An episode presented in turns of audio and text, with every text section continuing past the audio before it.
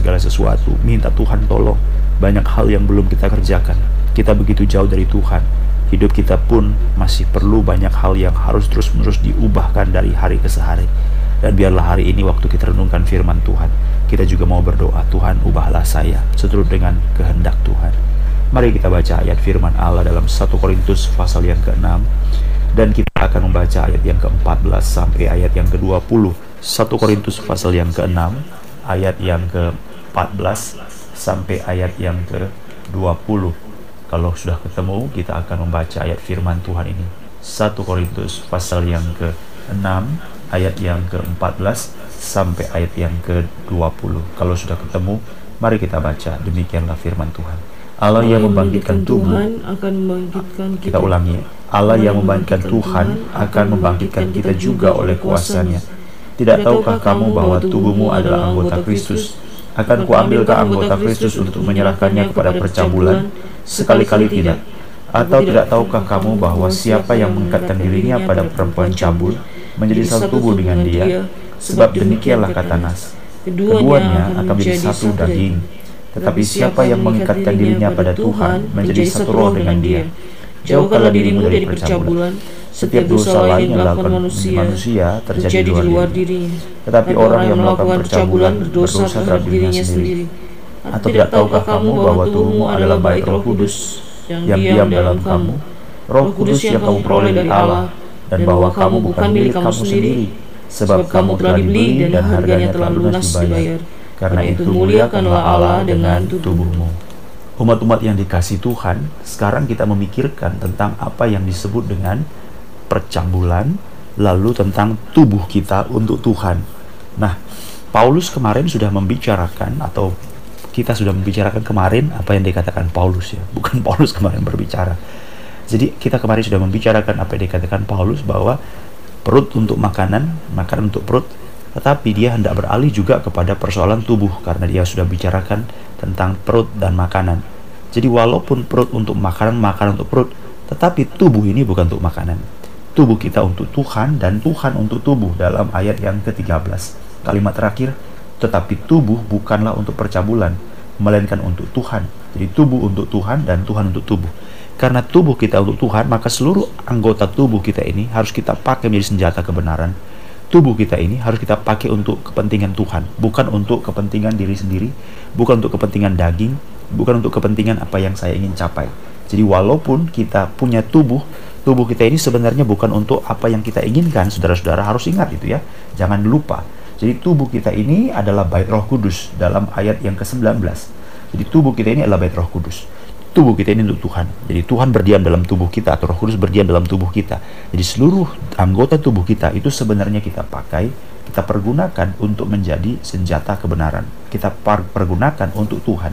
Kita pergunakan untuk menjadi suatu yang diharapkan untuk yang dilakukan untuk kepentingan-kepentingan Tuhan, bukan untuk kepentingan diri sendiri.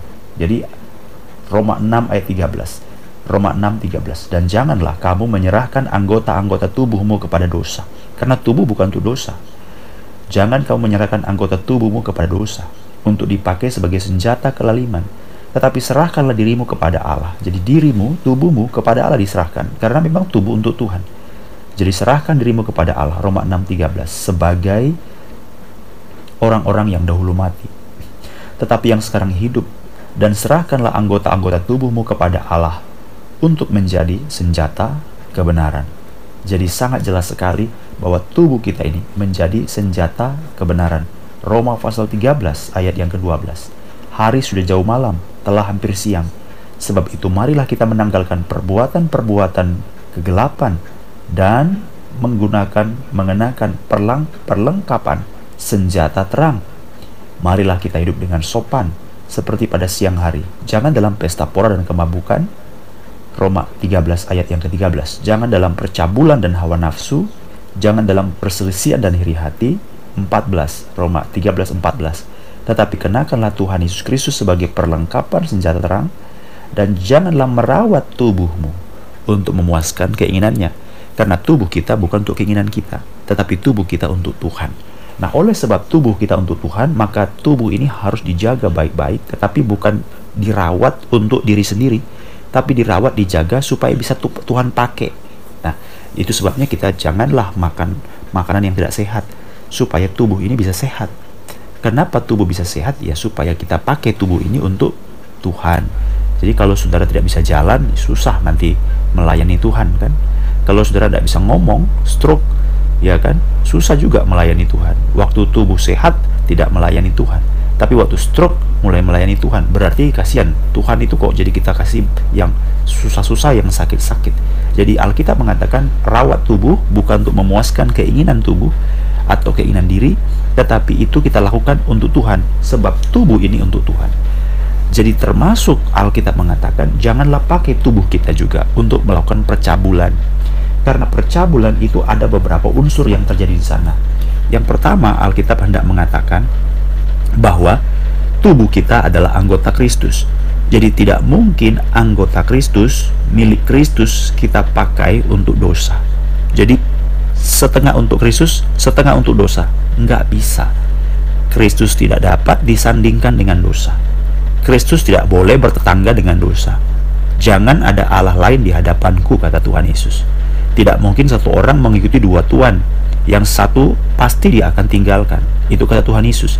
Jadi tidak mungkin orang sambil hamba kebenaran tapi sambil hamba dosa. Tidak mungkin. Kalau dia hamba dosa berarti tidak ada kebenaran. Tapi kalau dia mengatakan aku hamba kebenaran tapi masih melakukan dosa, berarti sebenarnya dia bukan hamba kebenaran, masih hidup dalam dosa.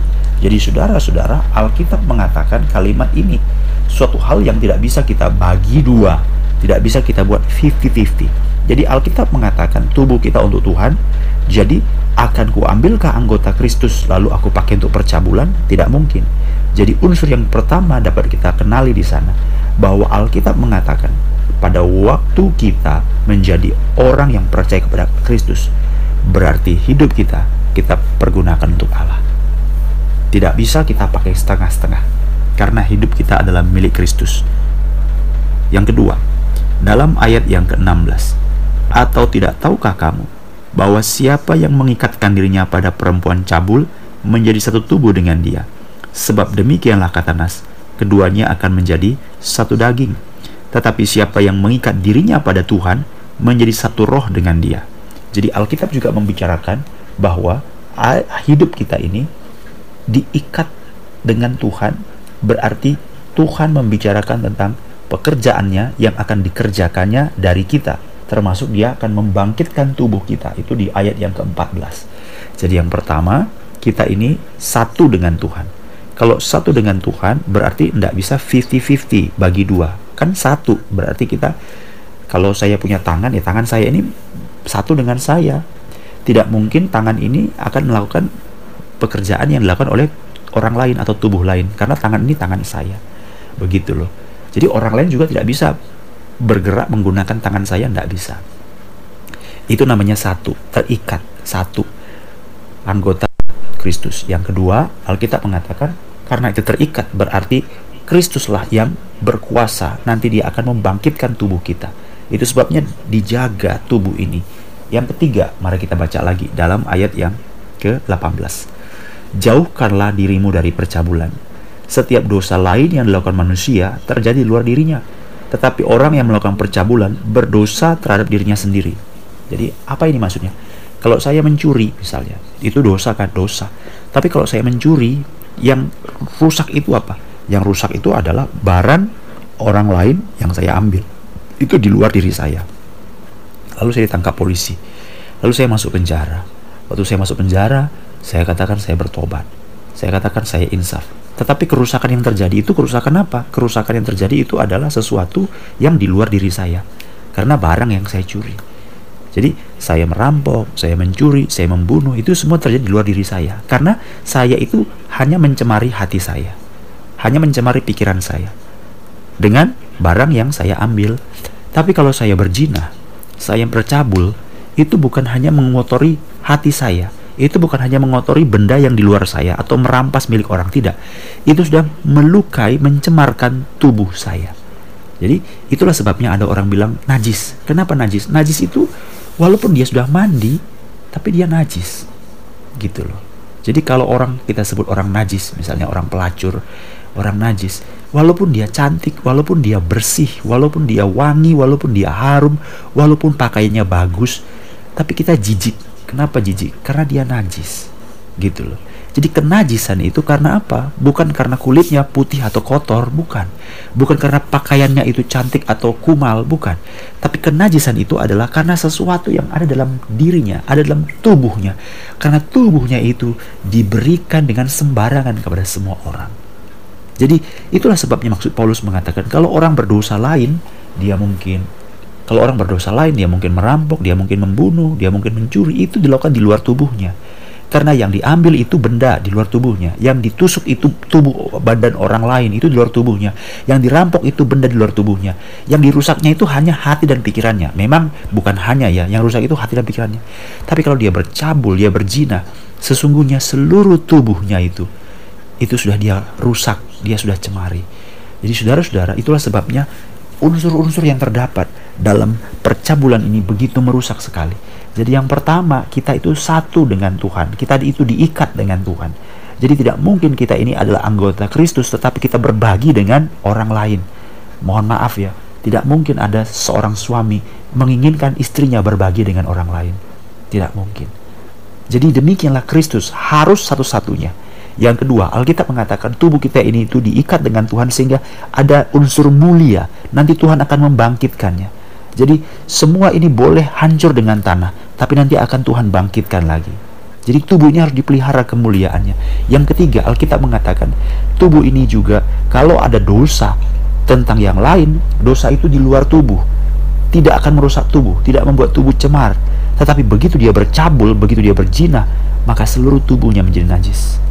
Waktu tubuhnya menjadi najis, waktu tubuhnya menjadi cemar, maka kita sebut bahwa seluruh kotoran itu dia rusak dirinya sendiri. Bukan cuma hatinya, bukan cuma pikirannya, tapi mulutnya jadi mulut cabul.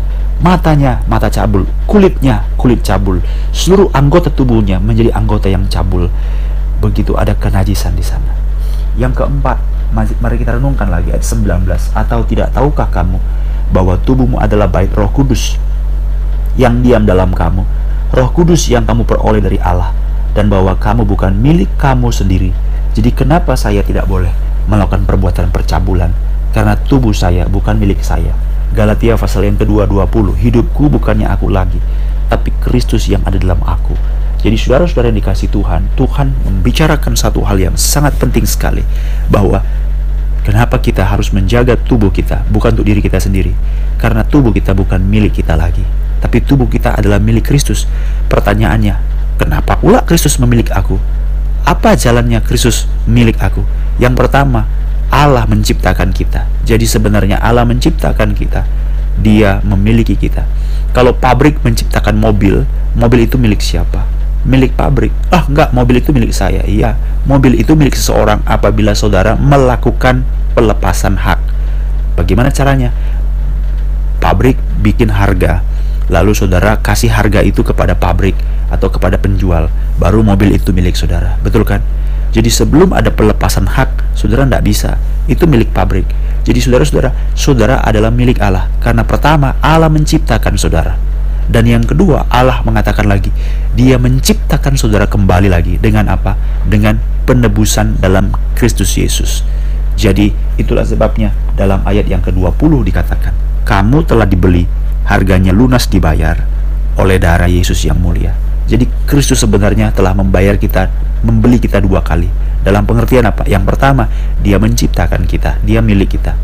Tetapi yang terjadi adalah kita merusak diri kita sendiri. Kita memberikan diri kita kepada dosa, sehingga kita menjadi dikuasai oleh dosa. Karena kita dikuasai dosa, tidak mungkin Allah mengambil kita yang berdosa ini tanpa membersihkannya. Maka dia harus mencurahkan darah, membersihkan kita, menjadikan kita baru. Waktu dia membersihkan kita, dia membeli kita dengan harga yang lunas dibayar, maka kita menjadi milik Allah, kembali lagi menjadi milik Allah. Jadi saudara, inilah unsur-unsur yang kita tahu. Kenapa saya tidak boleh menggunakan tubuh saya untuk bercabul berzina? Kenapa? Yang pertama, karena saya ini diikat. Saya satu dengan Kristus. Karena saya satu dengan Kristus, maka tidak mungkin saya berbagi dengan yang lain. Jangan, tidak pernah, tidak boleh, tidak akan bisa. Kalau saya berbagi dengan yang lain, itu berarti saya bukan milik saya, itu milik yang lain. Itulah sepertinya kalau saya berbagi dengan Kristus, itu berarti itu bukan milik Kristus, itu sudah milik yang lain. Yang kedua, Kristus sudah mengatakan, Tuhan mengatakan tubuh kita mulia, satu dengan Kristus. Keunikan Kristus ada dalam tubuh kita, nanti dia akan membangkitkannya. Sama seperti membangkitkan Tuhan kita, tubuh kita juga dibangkitkan ayat 14. Yang ketiga, dia juga membicarakan bahwa tubuh kita ini adalah suatu yang jangan sampai cemar. Dosa cabul itu mencemarkan mulut, mencemarkan tubuh, mencemarkan tangan, mencemarkan sehingga walaupun sudah bersih mandi, tapi kalau kita cabul kita tetap najis karena seluruh anggota tubuh kita itu kita lacurkan. Oh Tuhan, mari kita mohon ampun Mari kita mohon ampun Tuhan Yesus. Terus kita tambah lagi, orang yang bercabul adalah orang yang harus tahu bahwa tubuhmu bait Roh Kudus. Jadi di dalam tubuhmu tempat Roh Kudus. Tidak mungkin bait Roh Kudus ini kamu kotori, kamu cemari. Dan yang terakhir, kita menjadi orang tidak boleh bercabul karena kita milik Kristus. Kita sudah dibayar oleh Kristus. Haleluya. Jadi biarlah Tuhan menolong dan memimpin kita supaya mari hati-hati. Hati-hati gunakan mata, hati-hati gunakan telinga, hati-hati tempatkan diri. Jangan menjadi orang yang gampang, menjadi orang yang membicarakan, menjadi orang yang memikirkan hal-hal yang jorok. Canda-canda jangan yang jorok. Karena mulut kita, pikiran kita, hati kita, seluruh jiwa kita untuk Tuhan. Marilah kita jaga diri baik-baik marilah kita juga tidak ikut terlibat dalam pergaulan-pergaulan atau menyetujui perbuatan-perbuatan atau perkumpulan atau pembicaraan-pembicaraan dalam pergaulan yang nyerempet-nyerempet ke arah-arah yang bercabul. Biarlah Tuhan mengampuni kita karena kita tahu bahwa begitu banyak hal yang harus dibenahi dalam hidup. Tapi biarlah Tuhan menolong supaya kita berubah, supaya kita betul-betul dapat membenteng diri. Sebagai orang tua, kita membenteng diri sebagai anak, sebagai pribadi, kita membenteng diri. Dan satu kalimat daripada firman Tuhan yang sangat indah sekali dan menarik. Saudara-saudara, ini ditulis dalam bahasa Latin sebenarnya, tetapi bagi saya ini satu hal yang sangat baik sekali oleh Bapak Gereja atau orang-orang uh, pada abad-abad pertama. Dia mengatakan bahwa dalam dalam perangan melawan dosa banyak hal yang harus dikerjakan dengan kita harus bertempur, kita harus melawan dosa itu. Maksudnya gini ya, dalam hal banyak dosa, kita harus bertempur, kita harus melawan dosa itu. Tetapi dalam hal tentang dosa ini, kita tidak bisa melawannya, kita hanya melarikan diri daripadanya. Itu dia, saya ulang ya.